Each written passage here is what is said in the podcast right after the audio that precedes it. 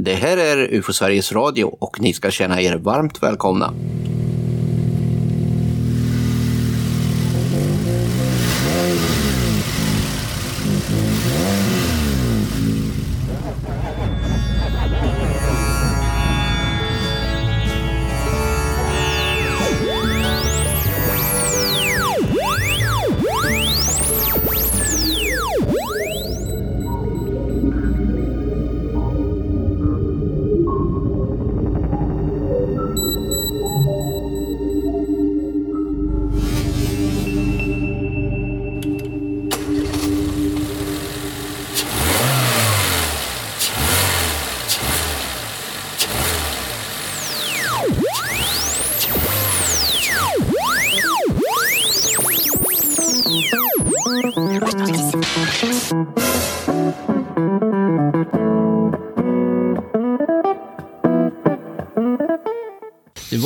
Tag sedan vi eh, poddade här, men nu har vi äntligen samlat ihop oss och tagit oss tid och hamnat bakom mikrofonerna.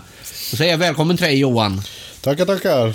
Vad har du gjort under tiden då som vi inte har poddat? Ja, vi har ju varit lite upptagna mellanåt här i föreningsarbetet. Eh, Vi hade ju faktiskt en eh, kurs som vi pratade lite lätt om i senaste podden. Fältundersökarkursen. Och den har, det, det har ju faktiskt tagit mycket av vår kraft här. Det är därför det inte har kommit ut något avsnitt på ett tag. Ska vi dra lite om, om den här kursen då? Hur, vad vi tycker och så vidare? Ja, hur gick det på kursen? Jag jag tycker att det gick ganska bra. Vi var ju ganska många och vi... Ja, det var ju lite spännande nu när vi var 70 personer istället för 40. Eller kanske var vi 60. Ja, 60 drygt vill jag minnas att det var. Och så var vi på en ny kursgård också. Ja, det Vi var ju spännande i alla fall. Absolut. Ute i Gryts eh, skärgård där. Ja. Östra Östergötland. Vad gjorde vi på kursen då? Vi kanske ska säga några ord om det för eh, eventuella framtida intressenter. Eh, Vi har ju faktiskt kurs om ett år igen. Så Ja, de flesta av oss kom ju redan på där och då hade vi lite sociala aktiviteter sen. Men själva schemat drog vi väl igång på, på förmiddagen, den första, den riktiga första dagen. på morgonen där vid ja, nio-snåret, eh, det var ju 19-20 oktober. Där. Vi började ju med lite allmänt sådär prat om UFO Sverige, UFO Sveriges inriktning, policy och lite internt och så, hur vi arbetar, hur vi Så vi, vi berättar ju ofta om eh, hur, vad de olika personerna gör i, i ledningen om man säger. Precis. Förr om åren har vi ju bett alla att berätta lite om sig själva, men nu när vi är 60 personer var det ju i princip omöjligt. Då hade vi fått göra det hela förmiddagen. Ja, då får man ju schemalägga det för några timmar framöver. Ja, och det hade vi ju inte riktigt tid med. Nej. Nej. Den första programpunkten var väl när jag då hade ett litet, eh, ja, ett litet föredrag om ufologins hjälpmedel som vi brukar inleda med. Ja, det är sånt här återkommande inslag på vårt schema där du snackar lite grann om redskap och verktyg och sånt som man kan använda. Så, ja, det är ju program och ja... Ja, enklare medel som, som man ska ha med sig ut på fältet. Precis, både sånt man kan jobba med i datorn och sånt man kan hålla i handen när man är ute och, och träffar vittnen och intervjuar folk på plats. Och så. Lite kompass, eh, ja, alla vet ju faktiskt inte hur man använder en kompass. Det är, Nej, så det är ju en bra bit att börja med faktiskt. Det är ju så. Så är det. Eh, sen rullade det ju på där eh, en liten dragning om hur man överlag eh, undersöker en UFO-rapport. Lite så här grundkontenta. Ja, för det är ju inte alldeles självklart hur, man ska, hur ingången är till UFO-rapporterna. Nej, det är de som är, är där, många av dem eh, är ju nya va, i föreningen också. De eh, är inte helt bekanta med vare sig UFO Sveriges arbete eller fenomenet överlag. En del är det, en del är det inte. Så vi får ju dra lite sådana här grundkoncept där va. Och det. Det är väl nyttigt för de som går kursen för andra, tredje och fjärde, kanske fyrtionde gången. Det är nyttigt för allihop det där. Det, det är bra stående inslag var med. Sen rullade vi på. Vad körde vi sen? Eh, Vittnespsykologi pratade vi om eh, lite allmänt så. Hur eh, vår så kallade perceptionsprocess funkar. Det är ju alltså hur vår- vår hjärna tolkar saker och ting. Minnet. Minnet och så fick de ju prova på att göra en liten återkonstrueringsprov prov eller test så också. De fick se på en bild och sen så vart de ombedda att eh, beskriva det de hade sett en stund senare. Så, där, va? så det var lite kul. Ja, för det är ju hela tiden människor vi håller på med och vi Ja. ska försöka få bilda oss en bild av vad som händer. Och vittnespsykologi är ju essentiellt att känna till om man jobbar i den här branschen. Man måste förstå att ett vittnes beskrivning inte alltid är överensstämmande med den objektiva verkligheten. Det kan skilja sig ganska så markant däremellan. Så och det... blev väl våra kursdeltagare verkligen varse om sen när vi hade den här lite större gruppaktiviteten. Ja, det tror jag. Där vart det ju mycket dynamik mellan olika personer och ja, skillnader mellan en beskrivning till en annan och sånt. va. Så att det, Man det... fick verkligen förstå hur, hur en, en observation förvanskas bara på två, tre steg. Ja, visst. Hur det kan gå fort och hur det kan gå fel på ganska väsentliga punkter ganska så hastigt. Det, det tror jag att de faktiskt fick med sig därifrån.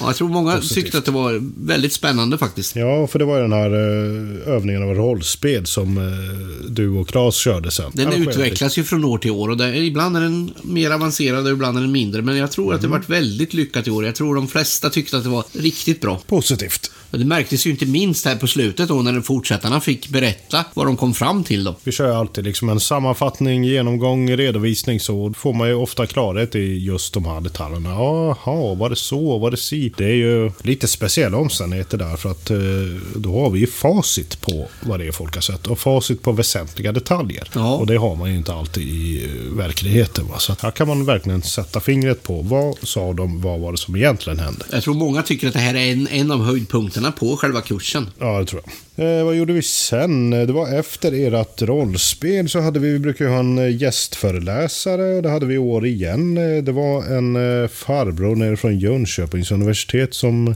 brukar åka till USA och eh, undersöka Bigfoot-fenomenet. Den här Även om man själv inte ville kalla det för Bigfoot utan för Sasquatch. Sasquatch, ja, den här gamla indianska termen. eh, Härrör väl från Ja, det var ett Kanada. väldigt spännande föredrag måste jag säga. Från en helt ny infallsvinkel, åtminstone för, för mig. Ja, jag, jag tyckte också att det vart väldigt lyckat faktiskt. Och jag har förstått att många tyckte att det där var ett intressant föredrag. Vi fick ju lyssna på lite saker och titta på lite fotspår och sådana här kul saker. Så det, det tror jag Ja, var... det som gjorde det bra var ju att infallsvinkeln inte var den man hade föreställt sig från början. Överraskande där för, för många kan jag tänka mig. Och sen ja, avslutar vi ju dagarna med lite sociala aktiviteter naturligtvis. Och vi snackar mycket UFO hela tiden. det var ju mycket vimmel och lotteri och, och tipspromenad och sådana där saker som vi alltid kör varje år. Svår tipspromenad måste jag säga. Det var lite knepig i år, så vi ska undgå att gå in på vem som vann den här tipspromenaden. Det finns lite av en skamfläck. Det börjar bli en trend där som man skulle kunna se. Den hoppar vi över. På söndagen här då? Ja, vad, Vad hade vi för aktiviteter då? Då började vi med att prata om eh, lite märkligare ufo-fall. Vi eh, hade ju lite mer fokus på misstolkningar på dag ett på, på lördag. Men på söndagen så gick vi in och presenterade några märkligare fall som har undersökts, som har eh, granskats, men som... Som man- fortfarande måste betraktas som UFO-fall. Ja, fall som är lite mer representativa för det fenomen som vi egentligen, och många av dem som är där, för att inte säga alla som är där, Är intresserade av. Ja, Ja. orsaken till att de är där. Så det pratade vi lite grann om. Sen så egentliga misstolkningsfenomenet på... Nybörjarna får ett jättekapitel av misstolkningar som man behöver ha med sig som grund. Ja, och även där stacks det in lite oförklarade fall. eh, Vet jag att det avrundades med. Även om vi inte satt med under det själva. Vi var ju upptagna med att eh, ha vår egen övning där. Ja, den tror jag också varit väldigt lyckad. Ja, det tror jag. Vi körde ju en sån här praktisk övning på söndagen också där folk fick prova på att undersöka ett,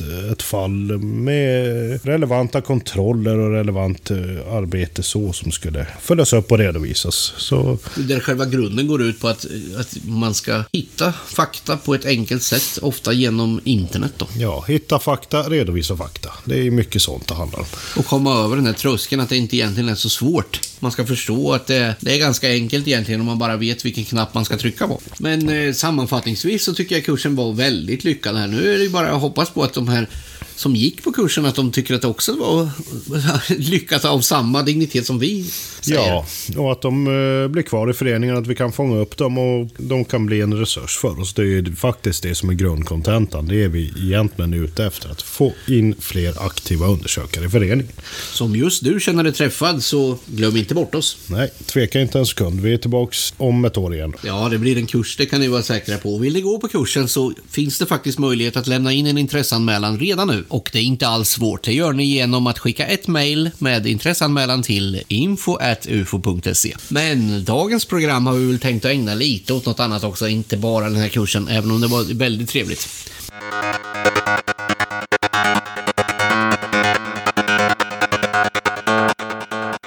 Eh, ska vi kalla det subkategori inom ämnet? Någonting sånt där som eh, har eh, hängt med under ganska lång tid. Ja, verkligen. Jag läste ju boken här precis 1909, så är ett fall. Ja. Det är ju tidigt. Till och med det med tanke på när man började köra bil först. Det, Ja, och det är ju just det där med bil det handlar om idag. Kopplingen mellan bil och UFO. Ja, vad är den? det finns ju en eh, ämneskategori som man brukar kalla för eh, bilstoppsfall. Eller eh, på engelska kallar man det för Vehicle interference. Det är sådana allehanda påverkan på bilarna. Va? Det är inte alltid som det handlar om motorerna egentligen. Så att bilstopp kan vara lite så här halvt som halvt. Och det har blivit så på svenska. Bilstoppsfall, ja. De flesta kanske har sett filmen Närkontakt av tredje graden, Spielberg eh, på 70-talet. Där finns det ju en scen när eh, huvudpersonen står vid en järnvägskorsning och allt börjar eh, ja, balla ur. Där eh, saker och ting flyger runt i bilen och mätarna blir totalt kajko och så Det blinkar friskt, det är som värsta bordellen. Ja, till och med järnvägsstolparna håller väl på att flyga omkull. det. Det där fallet är ju faktiskt baserat på verkliga rapporter.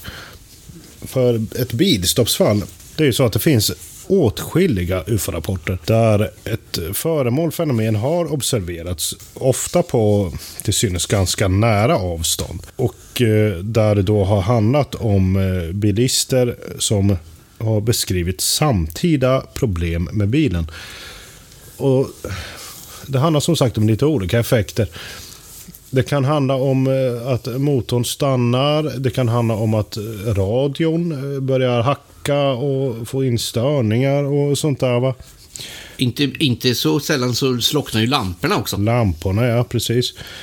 Och Det kan vara lite intressant att, att titta på det där, vad det är som har hänt. Vad har motorn stannat, lamporna, radion? Inte sällan så har vi ju samtliga tre inslag. Och även instrumentpanel, hela elsystemet, liksom, så all belysning brukar ju slockna i många fall. Va? Och då i samband med att man gör en i- iakttagelse av något föremål Ja, i precis. närheten. Det finns ju faktiskt eh, ganska många sådana här rapporter genom åren. Och jag skulle säga att de är väldigt lika varandra. Personligen så är jag väldigt förbryllad över just den här delen av fenomenet.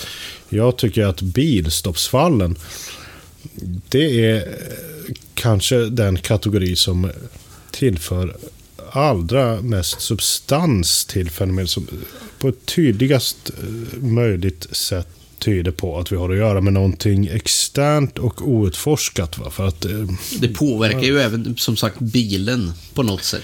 ja, precis. Det, Till det skillnad inte- från vittnet i sig. Ja, nej, vittnena i sig blir ju i regel inte påverkade. Utan det är, det är liksom elektroniken och bilens system där va, som får problem. Ett typiskt bilstoppsfall kan man väl beskriva ungefär som så. Va? Att ett eh, vittne kommer körandes längs en eh, avlägsen väg, handlar det ju eh, oftast om. Det är i regel ingenting som sker mitt inne i stan. Utan kommer körandes på en väg en bit ut på landet och så märker personen först att det, det, motorn börjar hacka. Det, det, är någonting som inte, det är inte helt eh, som det ska här. Va? Och det börjar gärna spraka lite i radion, att Ja. man hör lite sådana frekvensändringar. Lite sådana... Ja, ja, kan tänka själv hur det låter när, när en radio får in störning. Och så börjar lyserna att dimma ner. Va? Så jag tänker, vad fasen är det som händer? Och sen kapas motorn helt. Allting tar slut. Motorn stannar, lyserna tar slut och så radion helt borta. Och så rullar bilen en liten bit. Va? Och så stannar. Och då tänker personen, ja men vad sjutton är det här nu? Så kliver det ur bilen, så, så ut och tittar. Och så öppnar huven och ska kolla om det är något fel där. Men ser ingenting. Men då ser han, fan det är ett föremål som hänger över bilen. Det kanske står vid sidan om vägen. Precis intill där. Det kan vara, ja, det finns ju allehanda former som beskrivits med diskusformat eller ett ljusklot eller någonting där till. Det är ett ganska återkommande inslag i de här bilstoppsfallen. Att man ser föremålet efter att bilen har stannat. Och det är en ganska väsentlig detalj va? för att det, det motsäger den eh, skeptiska förklaringen om att det då skulle kunna vara vittnets egen, eh, eget hysteriska tillstånd som resulterar i det här. Man tänker sig att ja, personen stannade bilen han såg föremål. Sen var det sånt hysteriskt tillstånd. Klarade inte av starten och det vart massa vajsing och sådär. Va? Så är det ju uppenbarligen inte i ganska många av de här fallen. För att stoppet och problemet med bilen sker innan de har sett föremålen. Det är inte alltid så, men ofta. Nej, men det är tydliga mönster man ser här. De är väldigt lika varandra de här fallen, oavsett var de sker. Alltså de sker i alla möjliga länder och av personer som inte har någon som helst... De har inte läst om det här, de vet inte att det här kommer att ske eller de vet inte att det, är, att det har hänt förr. Nej, nej precis. Det... Alltså det är inte någonting som någon skapar av sig själv på det viset utan det, varje gång det händer så är det nästan nytt. Ja, och... Det är ju personer som in, verkligen inte har valt att det ska hända på något Nej, sätt. Nej, och det är ju... Alltså det här är en detalj som eh, inte är så värst allmänt känd så. Det är inte som att liksom... Om någon ser en diskusformad farkost, ja, alla har sett en bild på ett flygande tefat någon gång i sina liv. Alla är exponerade för det. Va? Det här är inte riktigt samma grej. va. Det är ganska få av dem som inte är ämnesorienterade kan jag tänka mig som känner till den här eh, subkategorin om just bilstoppsfall. De är ju oberoende av varandra skulle jag säga, till stor del i alla fall. Och, och de är inte allt för få heller i litteraturen. Nej, de är ju inte det. Before uh, British UFO Research Association och deras undersökare Geoff Falla släppte ju en uh, slutgiltig uh, rapport över sammanställningar av eh, så kallade bilstoppsfall 2010. Eh, Falla kom ut med en sån sammanställning långt tidigare, redan på 70-talet. Och vi har ju en annan sån liggandes här från Mark Rudiger vid Center for UFO Studies som kom ut några år senare. 81 kom den. I alla fall i den här upplagan. 81, ja. Men eh, 2010 släpptes en uppdaterad version över bilstoppsfall från 1944 fram till 2016. Och den innehöll 723 sådana rapporter. Så det är vad man har fått in, eller åtminstone kunnat dokumentera under de åren som de har eh, funnit i det, under det arbetet. Skulle man kunna säga någon, någon, någon numerär, menar jag, i förhållande till allmänna rapporterandet? Ja. Är det några procent eller är det mer eller mindre? Eller Nej, några procent tror jag är en kraftig överskattning. Jag tror att det är väldigt få som utgörs av bilstoppsfall. Jag skulle kunna tänka mig att det är kanske en, någon, någon hundradels procent. Sen har vi ju potentiella mörkertal. Jag tror att eh, totalt så är det en, en mycket, mycket liten bråkdel av alla rapporter. Men till antalet så är de ändå ganska många genom åren. Vi snackar alltså de fallen där bilarna har blivit påverkade? Ja. För jag tänker mig att det totala antalet ufo-observationer som skett från bil är större. Ja, det är ju naturligtvis betydligt för det. Eh, en annan eh, sån återkommande detalj som eh, är lite intressant med just bilstoppsfallen, det är att föraren i bilen behöver inte alltid eh, starta bilen. Eller eh, radion eller lamporna eller vad det nu är på egen hand. Utan de går igång av sig självt. Ja, det är ju väldigt tyd ett väldigt tydligt mönster. Att när själva, när det är över så att säga, då, då återgår det till det normala. Ja. Väldigt, väldigt fort. Och det är väldigt, väldigt likt mellan de här fallen. Ja, det är en återkommande detalj och det som händer är ju att bilen startar av sig själv när föremålet äh, åker iväg. När det försvinner. Ja, och radion går igång, lamporna går igång och hela, inget som helst fel. De behöver ju inte köra bilen till verkstaden utan den inga funkar som, ju. Nej, inga som helst fel fel. Den funkar som det ska helt enkelt. Så man har ett, eh, en sekvens där va, som är ganska återkommande. Man har liksom problemen med bilen. Den börjar strax innan de får se föremålet. Sen så stannar den helt och så går de ur och så får de se föremålet. Och sen kan de iaktta det under en period och så drar föremålet iväg och då startar bilen, lampor, radio, allting av sig självt igen. Och inte sällan befinner sig vittnet själv utanför bilen när det sker. Va? Så att de har ingen möjlighet att starta bilen på egen hand. Va? Utan det, det sker helt automatiskt. Då får man hoppas att det inte är en automat eller att de har lyckats lägga ur alla växlar. Ja, så att inte bilen drar. Man kan bara ju tänka sig att det skulle kunna hända om de är en Det har nog säkert hänt att en och annan bil har fart ner i diket när den går igång av sig självt och, och vittnena står utanför. Ja, det borde ju vara en naturlig risk. Vi tänkte att vi skulle dra några mer Ja, det är klart att vi måste dra några exempel på det här nu, när vi har dragit förutsättningarna för det hela. Vi har ju plockat fram eh, vad jag betraktar som inte bara den mest signifikanta händelsen i ja, bilstoppsfallshänseende som har inträffat genom åren. Utan jag tycker att den här händelsen, eller händelseutvecklingen, bland de allra mest eh, intressanta serier av händelser som eh, finns dokumenterade inom eh, ufologin någonsin. Vi pratar ju om eh, ett antal observationer som inträffade i den lilla staden Leveland som ligger i Texas. Och det här var natten mellan den 2 och 3 november 1957. Ett lite välbekant datum ur andra avseenden. Vad var det mer som hände den natten? Ja, ryssarna höll ju på och lekte lite i rymden då. Andra gången de skickade upp en, en satellit. Den här gången bara hade de ju till och med en passagerare. Ja, en stackars uh, vovve som fick åka med och aldrig komma tillbaka. Var Laika Nej, som... den kända Laika. Ja, men det var Sputnik 2 som gick i omlopp eh, den där natten. Och det var ju väldigt mycket uppmärksamhet kring det naturligtvis. Och amerikanerna var väl lite skraja då för att ryssarna kunde skicka upp satelliter då i, i förlängningen då så räknade de väl kanske med att de kunde också skicka då vapen till USA. Så de Ja. höll god koll på den här naturligtvis. Det vart ju 2-0 till ryssarna i rymdkapplöpningen där var till och med. Så det var ju... Ja, de var tidigare. I den här lilla orten Leveland då, då Där hände det lite andra saker. Då. Det var ju så att en rad observationer inträffade den här natten. vart ligger Leveland? Ja, det ligger i Texas. Lite, lite mer åt nordväst va? Men eh, ganska centralt. Hyfsat centralt. Så. Och det är ingen stor stad. Det är, vad kan vi tänka oss? Kan det vara några tusen invånare, åtminstone på den tiden. Nu snackar vi 57 här va. Så att det har väl hänt lite sedan dess. Men det var ju en ganska liten stad. Så. Det började ju då eh, klockan 23.00 på kvällen. Där.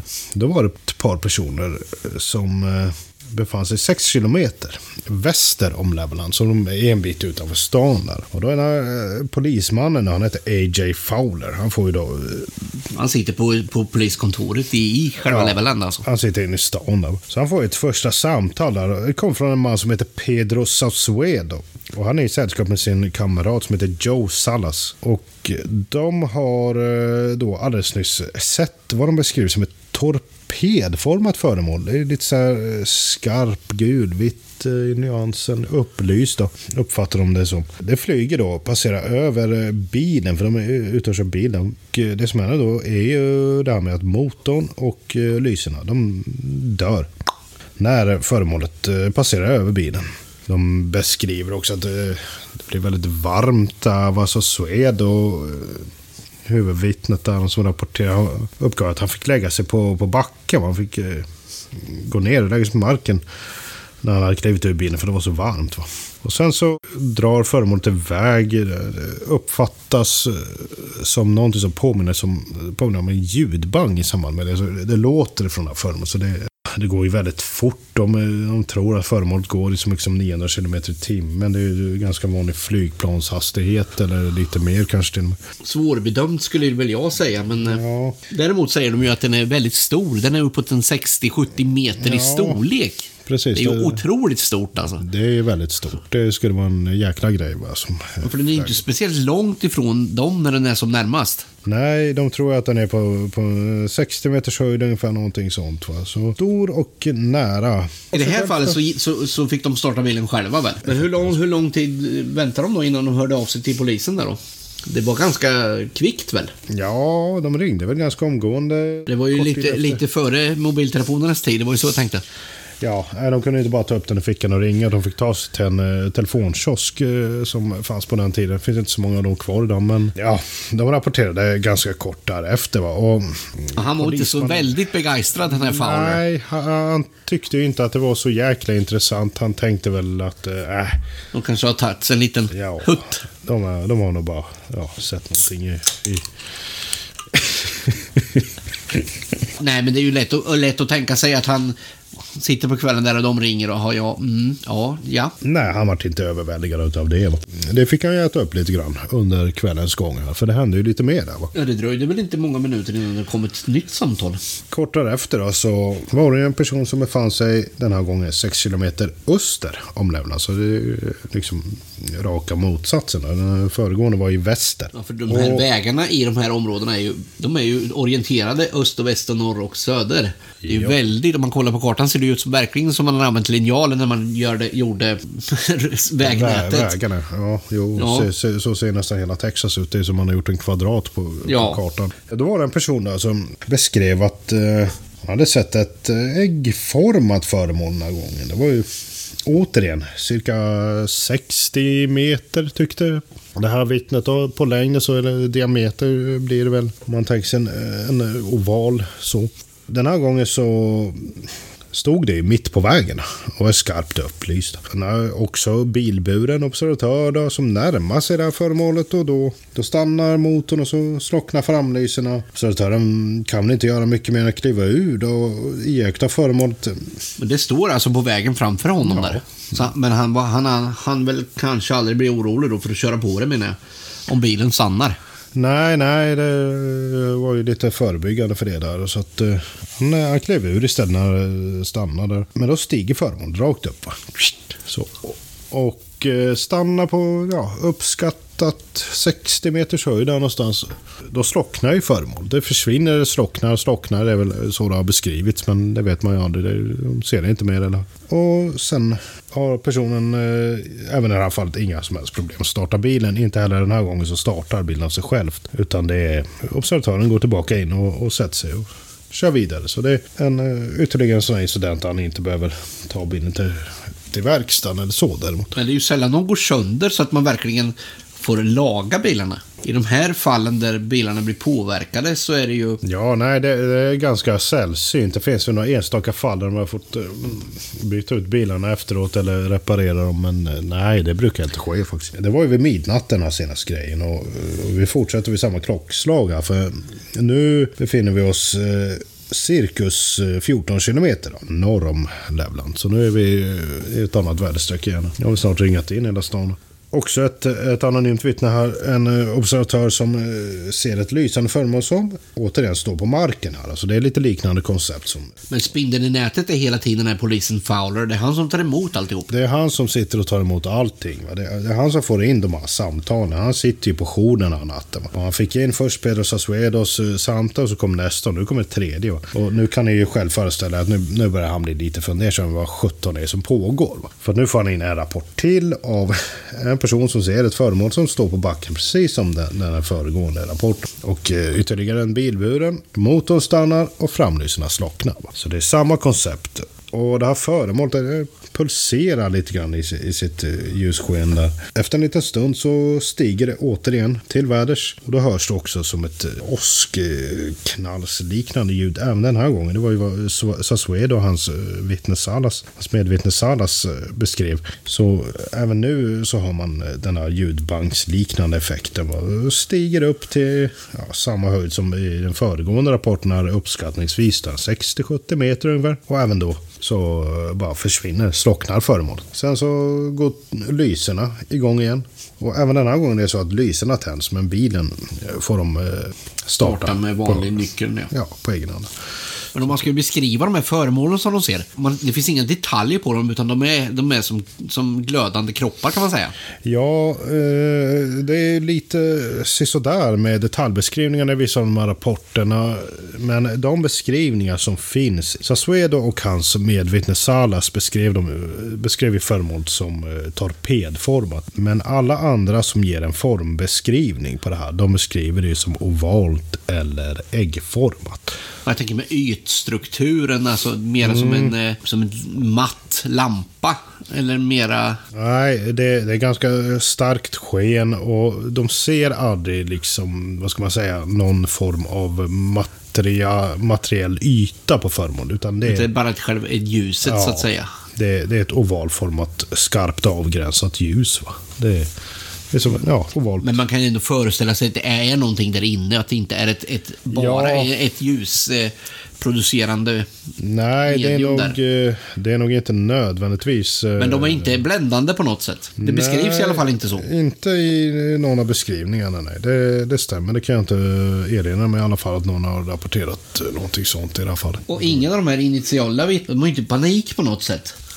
Inbyggt i det här är det finns någon sorts typ av säkerhetsavstånd. Ja, nej, det är mer att de blir förbryllade, alltså förvånade, förundrade över vad det är de ser än, än att eh, det är någon slags eh, paniksituation för, för någon av dem. Fem minuter senare där, eller ungefär, För det blir ganska frekvent vid det här läget när han eh, får sitta och prata mycket i telefon. Jag får ta emot samtal efter samtal och klockan är då fem minuter över midnatt. Då befinner vi oss i Smyre. Det ligger 14 kilometer öster om, om Levland. Och då är en 19-årig student. Han beskriver, ja, vad beskriver han den här gången? Börjar ju snart folk kanske kunna lista ut på egen hand. Det är en bilmotor som börjar hacka, spotta, eh, ja, hänga sig så lite grann mellan varven. Och eh, sen eh, stannar den helt av framlyserna. Dimmar ner. Då går han ut, kikar i motorhuven och när han sen stänger huven så får han se ett ovalt föremål som står eh, på vägen framför honom. Det är lite, lite platt ner till eh, lite så här metalliskt i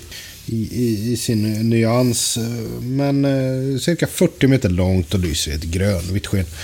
Så där har vi väl möjligen en antydan till eh, den här strukturen. Men eh, det, det är ändå inte så att han eh, tycks se en farkost. Utan här, det är någon, någon form av föremål, eller fenomen som står där. Men det håller på en stund det där. Han hoppar ju faktiskt eh, in i bilen. Han blir lite skraj. Va? Han hoppar in i bilen och försöker att starta den ganska ivrig så. Va? För att eh, han vill ju komma därifrån. Eh, föremålet stiger då rakt upp igen. Det, är ganska så... Det följer mönstret om man säger så. exakt. Det, är ganska typiskt beteende för det här föremålet som de andra har sett tidigare under kvällen. Sen försvinner det återigen på ett ögonblick. Så är det rakt upp och så är det borta. Va? Och bilen fungerar då som vanligt igen då. Men eh, som du sa, det tar en stund för honom att, att rapportera. För han väntar i en och en halv timme ungefär. Då, fram till klockan är halv två ungefär på natten. Då ringer han in till sheriffen. Ja, Men det, det är ganska hektiskt för han polisen där. Bara 15 minuter efter den här observationen och innan han har hunnit kontakta eh, Fowler. Så. Mönstret är väl också att de befinner sig i periferin av den här staden runt omkring. Så att det är inte, det är ju inte i city om man säger så. Nej, Nu är vi det är 14 inte- kilometer norr om eh, Leveland igen. Ja, I någon precis. liten håla som heter Witherall. Ja, nej, det är inte inne i själva Levland utan det är liksom så centralpunkten för allting kan man säga. Allting sker runt om. Rekommendationen är väl att man går in på Google Earth och kollar på Leveland. Alltså det är väldigt liten ort även idag. Den är inte stor. Liten ansorthåla sådär. Och man kan ju tänka sig hur den var då för 50-60 år sedan. Eh, 14 kilometer norr om stan. då. Är det eh, ytterligare ett lysande föremål, eller kanske samma föremål. Det, det är vi. Man börjar ju misstänka det vid det här laget. Det måste ju han Fowler också ha gjort. Ja, nej men det, det visar sig ju så småningom att han, han börjar ju ta saker och ting på lite mer allvar. Det är ett lysande föremål som står på stela på vägen återigen och ja, det är samma koncept ännu en gång. Va? Det, det, bilen närmar sig och stannar och lyserna slocknar. Sen stiger föremålet hastigt upp till uppskattat 100 meter ungefär. Där det slocknar ännu en gång. Och och det där med uppskattningarna vet vi ju att de, det kanske är samma höjd som alla beskriver. Fast Ja. säger, ibland säger de 50 meter, ibland säger de 100 meter. Ja, precis. Det är ju väldigt relativt. Så det får man ta med en viss nypa salt. Sen eh, startar ju lyserna då återigen och eh, motorn gick att starta. Så det, det är återigen samma fenomen där vad som vi ser. Det för mot backen, för mot stiger, försvinner, lysen startar, motorn går att starta. Men du tänker väl han Fowler att det kanske är dags att göra något annat än att bara sitta och prata telefon här eller? Ja, nu har han börjat li bli lite väl fundersam och kommer fram till att nu är det något som inte stämmer där ute. Så han skickar ut sina patruller vid det här laget. Han har gott om folk. Ja, hur många kan man tänka sig att de är på en sån här liten ort egentligen? Det är, Det är en handfull i alla fall. Men eh, han skickar ut eh, några patruller och Ja, de gör ju faktiskt en iakttagelse, men det, det är inte av den här digniteten som vittnena som har ringt in har beskrivit. Utan de, de ser ett, ett ljusfenomen med ganska kort varaktighet under bara någon eller några sekunder. Va? Så att det, På långt avstånd och de har ingen som helst påverkan på sin bil. nej, inte på deras bild. Och det, det där är väl en mer typisk sån här ljusfenomen i mörker-rapport. Det slutar ju inte här utan det börjar ju komma ännu mer rapporter. Det alltså rullar ju mer på omfattande grejer. Det rullar ju på här. Vi är ju väster om Lävland nu igen. eh, Där vi startade för eh, ja, två timmar sedan strax. Då är klockan 00.45 då. Inte så långt ifrån den första obsplatsen här va, med, med Sassuedo och Salas. Och då får ju vittnet se ett eh, stort orange eldklot va, på... Han uppfattar ungefär en och en halv kilometer, en mile. Upplever sen att, att här klotet närmar sig hans position och så gör han en, liten, en, en ganska mjuk landning va, på vägen. Det kommer så nära som ungefär 500 meter ifrån dem, uppskattar han nu. Han kör omkring i en lastbil den här killen. Jag tänker mig att den är större än, än de här tidigare vittnenas bilar. Det händer ju någonting när det landar där då övergår det från det orangea till lite mer blågrönt sken och så går den ner och så tar det mark. Va? Då, då täcker det vägen på bredden så ställer sig i vägen för honom. Jag kan inte köra förbi där. Va? Men hans bil ballar ur då med. Ja, det gör den ju naturligtvis. Det är ju Lävland natten mellan den andra och tredje. Så det, ja, det finns inte en bil som funkar när, när de kommer i närheten av. Men det Eh, kanske också är så att det här föremålet vill ha ett säkerhetsavstånd till de här bilarna. Ja, det För att man inte kunna veta. bli identifierat. Det finns mycket tolkningar man kan göra kring det här och det går att lista lite hypoteser här och där. Men eh, vad var det som hände där då? Ja, motorn dör, framlyserna slocknar i vanlig ordning. Det står still en stund på backen där innan det som vanligt då flyger iväg igen. Ja. Och då byter det färg igen. Ja, det är lite intressant med den här rapporten. Det är som att färgskiftningen, att det går från orange-aktigt till lite mer så grön, eh, blågrönaktigt, står stilla och sen lyfter det igen. Va? Då återgår det till lite sån här eh, röd-orange liknande eh, nyans. Va? Ja, eld som man sa. Ja, lite eldsfärgat så. Och så funkar ju motorn och lyserna normalt igen sen. Så det är som det ska. Följer mönstret även här.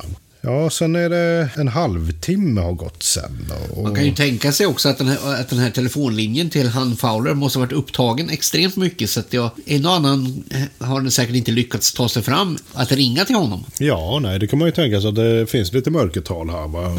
av personer som kanske ringde och Ja, för det verkar ju vara som att han är ju, det är ju dit man ringer. han är ju den lokala polismyndigheten. De har ju inte många andra att vända sig till.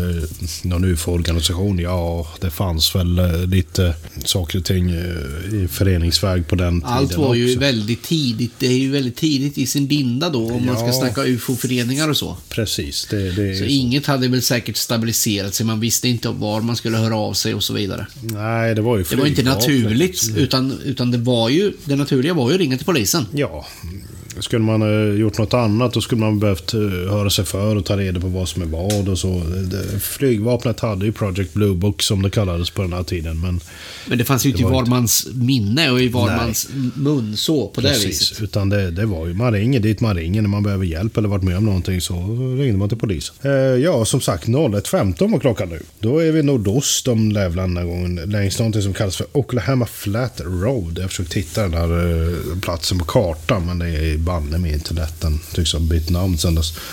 Det är väl en jättelång och rak väg som alla andra vägar också. Ja, precis. Allting Då kommer det ju alltså en kille som heter James Long och kör med sin lastbil. Han har åkt från Waco i Texas. Han kör på den här vägen och han kommer, eh, som han uppskattade, då 60 meter ifrån eh, ett föremål som han eh, beskriver på samma sätt. Då. Det, är- äggformat, lyser ganska starkt. Händer det som alltid händer med bilar i de här rapporterna från Lävland den här kvällen. Framlyserna dör och motorn dör. Det lyser lite grann i etapper däremot, det här föremålet. Det, det är inte helt så här konstant. Utan Det är lite mer sån där, eh, ja, eh, diffande ljus. Man kan säga, det jämförs ju lite grann med neonljus så, som kanske mm, småpulserar. Man har en lite liten sprakande effekt. Ja, sprakande pulserande effekt. Så. Han tror att det är 60 meter långt ungefär. Då. Det här föremålet så är det ganska överensstämmande. Men det är väldigt stora grejer de ser alltså. Ja, det, det är ju Alltså det, skulle, det är ju svårt att nä- nästan föreställa sig hur stor en sån är. Det skulle behövas tre långtradare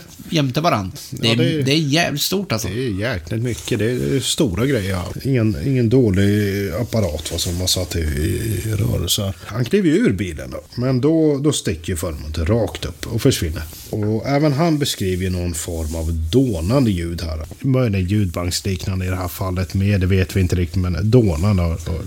Det är ett jäkla oväsen i alla fall. Sen funkar bilen eh, korrekt igen och lysen, motor, hela faderullen. Det måste ju ha varit en väldigt lättnad för alla de här vittnena när bilen helt plötsligt fungerar igen och man vet att man kan ta sig därifrån. Ja, när man tror För det. de är ju verkligen ute på vischan. Ja, De är så- någonstans och helt plötsligt, man, må- just den känslan måste ju vara lite panikartad. Man är själv ute, mitt i ingenstans och biljäveln slutar att fungera.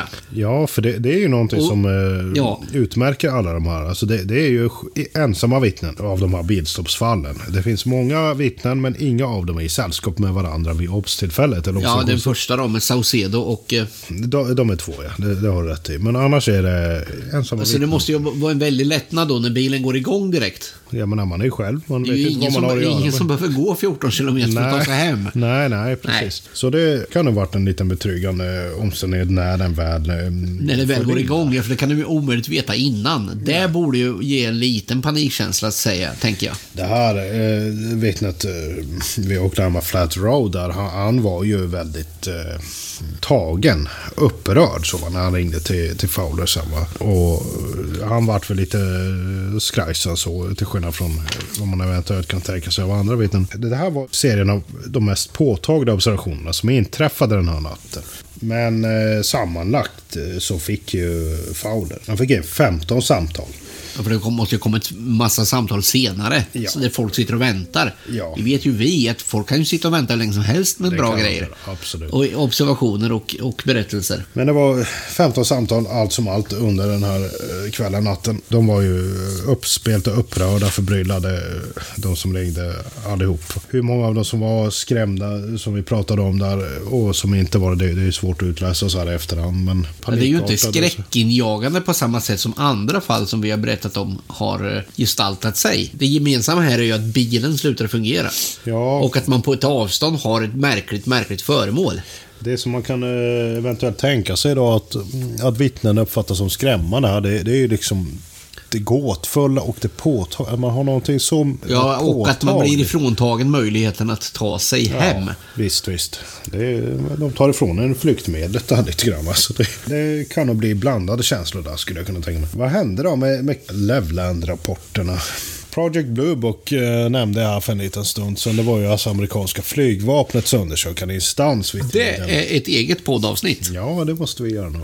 Det, det finns massor med dem. De var igång i, i 20 år och, och undersökte rapporter. Så att de undersökte även den här. Då, eller undersökte, men de var där i alla fall och jobbade lite grann. Det eh, har ju riktats en del kritik mot eh, det här projektet också. Blue Book menar du? J. Allen Hynek då, som eh, var deras eh, undersökande rådgivare eh, då. Han var ju vetenskaplig konsult. åt- Men åt var han det hela tiden?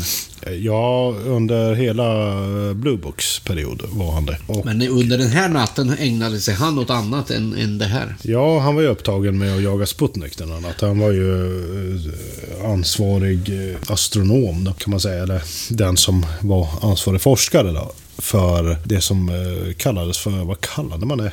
Project Moonwatch vill jag minnas att, eh, att det kallades. Det var, det var något sånt här. Ja, de ville ju naturligtvis ha koll på ryssarnas satelliter. Ja, han var i alla fall ansvarig för eh, amerikanernas satellitspårningsprogram och eh, hade inte möjlighet att ta hand om det bland rapporterna nu när de kom in så färska. Då. Så amerikanska flygvapnet eh, försökt göra lite nytta där. De skickade dit en undersökare inom några dagar och jag gick runt och frågade ut lite vittnen och så och sen så drog ju de då slutsatsen. De här eh, rapporterna sannolikt härrörde från eh, så kallade klotblixtar. Man konstaterade att det hade förekommit åska över eh, Levland-området den här dagen och att eh, sannolikt var det som folk hade sett. Den här slutsatsen är ju naturligtvis eh, lite omdiskuterad. Personen är ju långt ifrån övertygad om att den stämmer. Skulle man förklara det här som, eh, som ett klotblixtfenomen, då har man ju...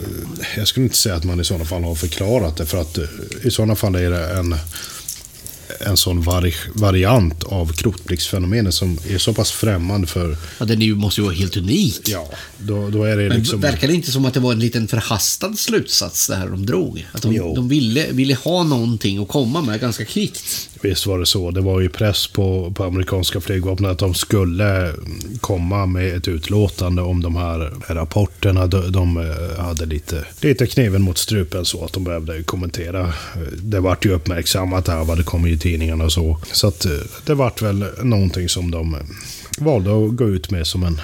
Ja, Men den, den skrivs under av Heineck själv också där i princip. Ja, Heineck eh, skrev ju under den. Det var ju någonting han ångrade i efterhand. Eh, Han skrev ju det. Han skriver det i sin bok. I boken är ju för experience. Att, eh, ja, han ursäktar sig väl lite grann med att han hade häcken full med, med Sputnik och allting där till vid tiden. Så han, han hade inte tid att sätta sig in i vad det var som egentligen hade hänt. Utan han fick en muntlig dragning av medarbetarna vid Blue Book. Då, och så upplyste de honom om att det hade varit Oscar vid tiden och det tyckte han lät eh, som en trolig förklaring då, då utifrån den korta informationen han hade fått. Så lite i all hast så, men när han sen eh, satte sig ner och eh, gick igenom materialet i efterhand så förstod jag att det här, det här är ju inte några klotblixtar. Det här är ju någonting annat. Och det, det skriver han ju i sin bok sen. Så att det, det vart lite förhastat. Och det, det var mycket diskussioner om just den där förklaringen eh, mellan eh, vissa ufologer. James McDonald som var eh, ledande ufolog på sin tid. Han var ju själv meteorolog då vid universitetet i, i Arizona. Och även han bestred ju eh, klotblixtförklaringen i det här fallet. De menade att åskan hade överhuvudtaget inte pågått under tiden som de såg de här föremålen. Utan de, de hade sett de här fenomenen och upplevt bilstoppen i efterhand, efter att åskan hade dragit förbi. Jag skulle säga att det är en totalt undermålig förklaring i mina ögon. Ja, att förklara någonting med, med klotblixtar är ju som att förklara något okänt med något annat okänt. Det vill man ju inte göra gärna. Det, det blir ju lite grann, eh, särskilt i de här rapporterna, att man måste liksom anta att eh, ja, det är klotblixtar. Men eh, vad, vad för sorts klotblixtar pratar vi om här? Som stoppar bilar och beter sig på ett nästan intelligent sätt kan man ju tänka sig.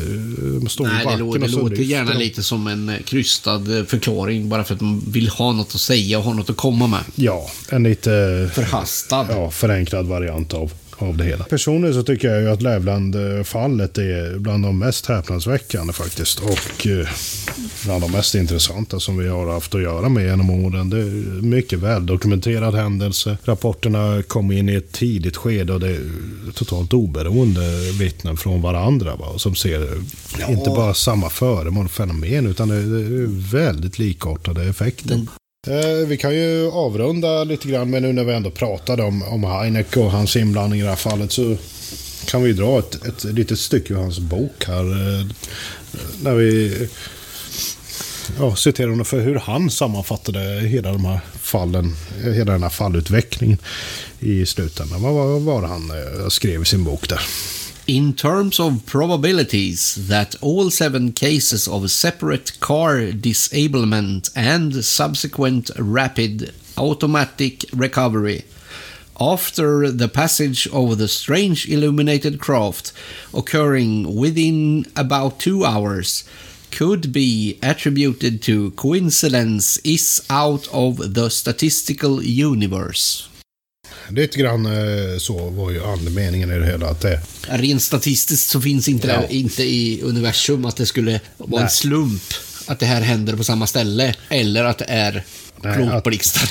nej, klotblixtarna var ju lite... Det är ju lite- dimridå snarare. Det är ju en ursäkt för att ha Ja. något att säga för att man inte ska upp- Det- uppfattas som okunnig. Det är lite mer att ta till en desperat slutsats. Nej, men det, det som Heineck säger är ju att, att alla sju bilarna skulle ha stannat och sen startat upp igen i samband med att de ser de här föremålen. Att allting skulle ha skett av en slump inom loppet av två timmar. Det, det bortom statistiska rimligheter. Det, det är inte möjligt helt enkelt om man ser till, till slumpens eh, sannolikhet där. Så det, det får vi nog eh, glömma helt. Ja, du har inga mera exempel på bilstoppsfall? Jag kände att jag måste ju ändå ta och bara avrunda med, med ett svenskt fall här när vi ändå har pratat så mycket amerikanskt. Alltså, bara visa att vi får ju faktiskt in bilstoppsfall i Sverige också. Det är ovanligt naturligtvis inom vår bransch, men, Jo, men det är inte- det händer. Den här personen ringde in till, till Rapportcentralen för några år sedan och eh, han ville beskriva en händelse som inträffade i Simonstorp. Där det ligger strax ifrån norr om eh, där vi befinner oss nu. Det är inte så långt från Norrköping. Han ville berätta om en händelse som han och hans far var med om. Eh, 1967. För då färdades de eh, med bil norrut från eh, Norrköping längs väg 55 på den tiden. Och jag skulle åka till Katrineholm då. Då kör de en Chrysler och de befinner sig ungefär i höjd med en, en sjö där längs vägarna som heter Svängbågen. Uh, vet jag inte om jag passerat någon gång, men det kanske... Jo, ja, det har vi gjort. Ja, det kanske vi har gjort. Eh, den ligger i alla fall eh, alldeles söder om den här lilla orten som heter Simonstorp. Det är en liten ort här i, Östergötland. Eh, det är skog då på, på båda sidor om vägen där. Så de har lite begränsad sikt. De ser mest rakt fram då. Men de, de får då se någonting som ja, hänger över, över vägen. Över på mm, kanske mm, ja, ett avstånd av några tiotal meter ungefär. Och eh, det de beskriver där, eh, eller det, det som vittnet jag intervjuat där beskriver, det är ju som ganska ljusstarkt men eh, något klotformat eh, föremål då, som hänger över trädtopparna och, och lyser upp den underliggande vägen, då, omgivningen. Då. Ganska stort föremål, tar upp ungefär hela vägens bredd va, i diameter. Någonting som vi faktiskt kan känna igen från de här beskrivningarna som vi, har just, som vi just har gått igenom. Så det är ganska stort här med, men nu är det inte ner på backen utan nu är det uppe i luften och över trädtopparna.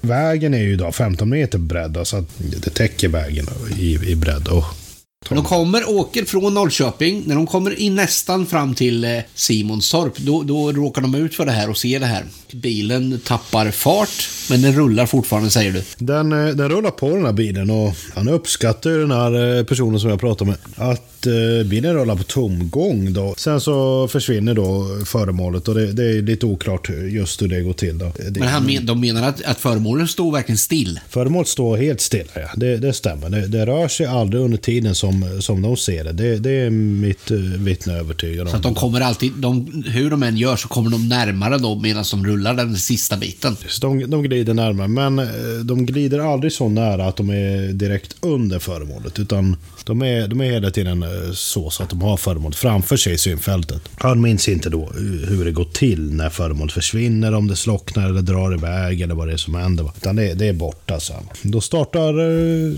apparaturen upp igen och motorn eh, går igång.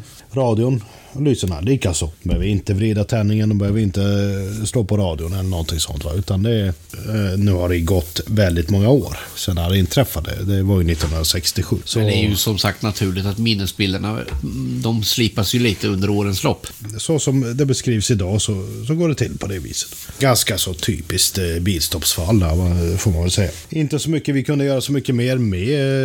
Det har gått så många år så att det, det är svårt för oss att vidta några åtgärder idag och dessutom är händelsen eh, odaterad och vi har inget datum så vi kan inte kolla mot andra observationer eller så heller. Nej, men det är ju ändå intressant ur den synvinkeln att, att den, är, den följer det här mönstret väldigt, väldigt väl. Men när du, när du intervjuar den här personen då, kunde du märka då om den här hade någon, någon annan eh, kunskap om fenomenet som sådant? Eller om, om bilstoppsfall i, i synnerhet? Nej, det är inte vad jag kan minnas så här på rak i alla fall. Men som sagt, det här fallet i eh, Simonstorp har vi, det finns ingen konklusion där om vad det skulle ha hänt och det är, det är ett typiskt fall. Men Nej. några som har sett någonting rapporterar en gång i livet. Mm. Nej, den är ju gammal och odaterad så det, det är inte så mycket mer vi har kunnat göra med den än att dokumentera den. Men det har vi gjort i det här fallet i alla fall. Men de här fenomenen med bilstoppsfall och vehicle interference som man säger på engelska, de är, de är ju väldigt intressanta så vi kommer väl få all eh, möjlighet att återkomma till de här fenomenen i podden framöver. Ja, det finns nog många enskilda rapporter som vi kan djupdyka i där ibland eh, bilstoppsfallen, det tror jag nog. Och är det någon som har råkat ut för något märkligt med sin bil ute någonstans, någon gång i samband med eh, kanske en UFO-observation eller så, så får ni väldigt gärna höra av er till UFO Sverige. Då är vi väldigt intresserade av att få vetskap. Hur gör man när man hör av sig till UFO Sverige då? Ja, antingen så ringer man då på vårt rapportnummer 018 555 000 eller så mejlar man eh, till rpc, alltså Rickard Patrik Cesar, ufo.se. Sen så har ju vi eh, vår rapportfunktion också. ufo.se Ja. Webbplatsen. UFO Sveriges webbplats. Eh, men vi knyter väl ihop säcken idag. Och då kommer en fråga som jag tänkte jag skulle fortsätta att ha som tradition. Vad vill du höra i UFO Sveriges Radio nästa gång? Vi har ju en lista med kul saker och ting som vi ska prata om framöver. Vi men- får väl bocka av den då utan att säga för mycket. Ja, vi har ju pratat pannkaksmannen. Vi ska väl kanske inte säga så mycket mer för att uh, spoila frågan. Vi tar en cliffhanger där då. UFO Sveriges Radio görs av UFO Sverige. De här frågorna som vi vill att ni ställer till oss, de skickar ni till info.ufo.se. Och vem är det som gör den här podden då? Jo, det är riksorganisationen UFO Sverige. Och ni får väldigt gärna skicka in önskemål om poddar och andra önskemål, frågor och sånt som ni vill höra. Och om ni tycker att podden kommer ut för ofta eller för sällan. Och synpunkter på innehållet. Men nu tackar vi för den här gången och säger på återhörande.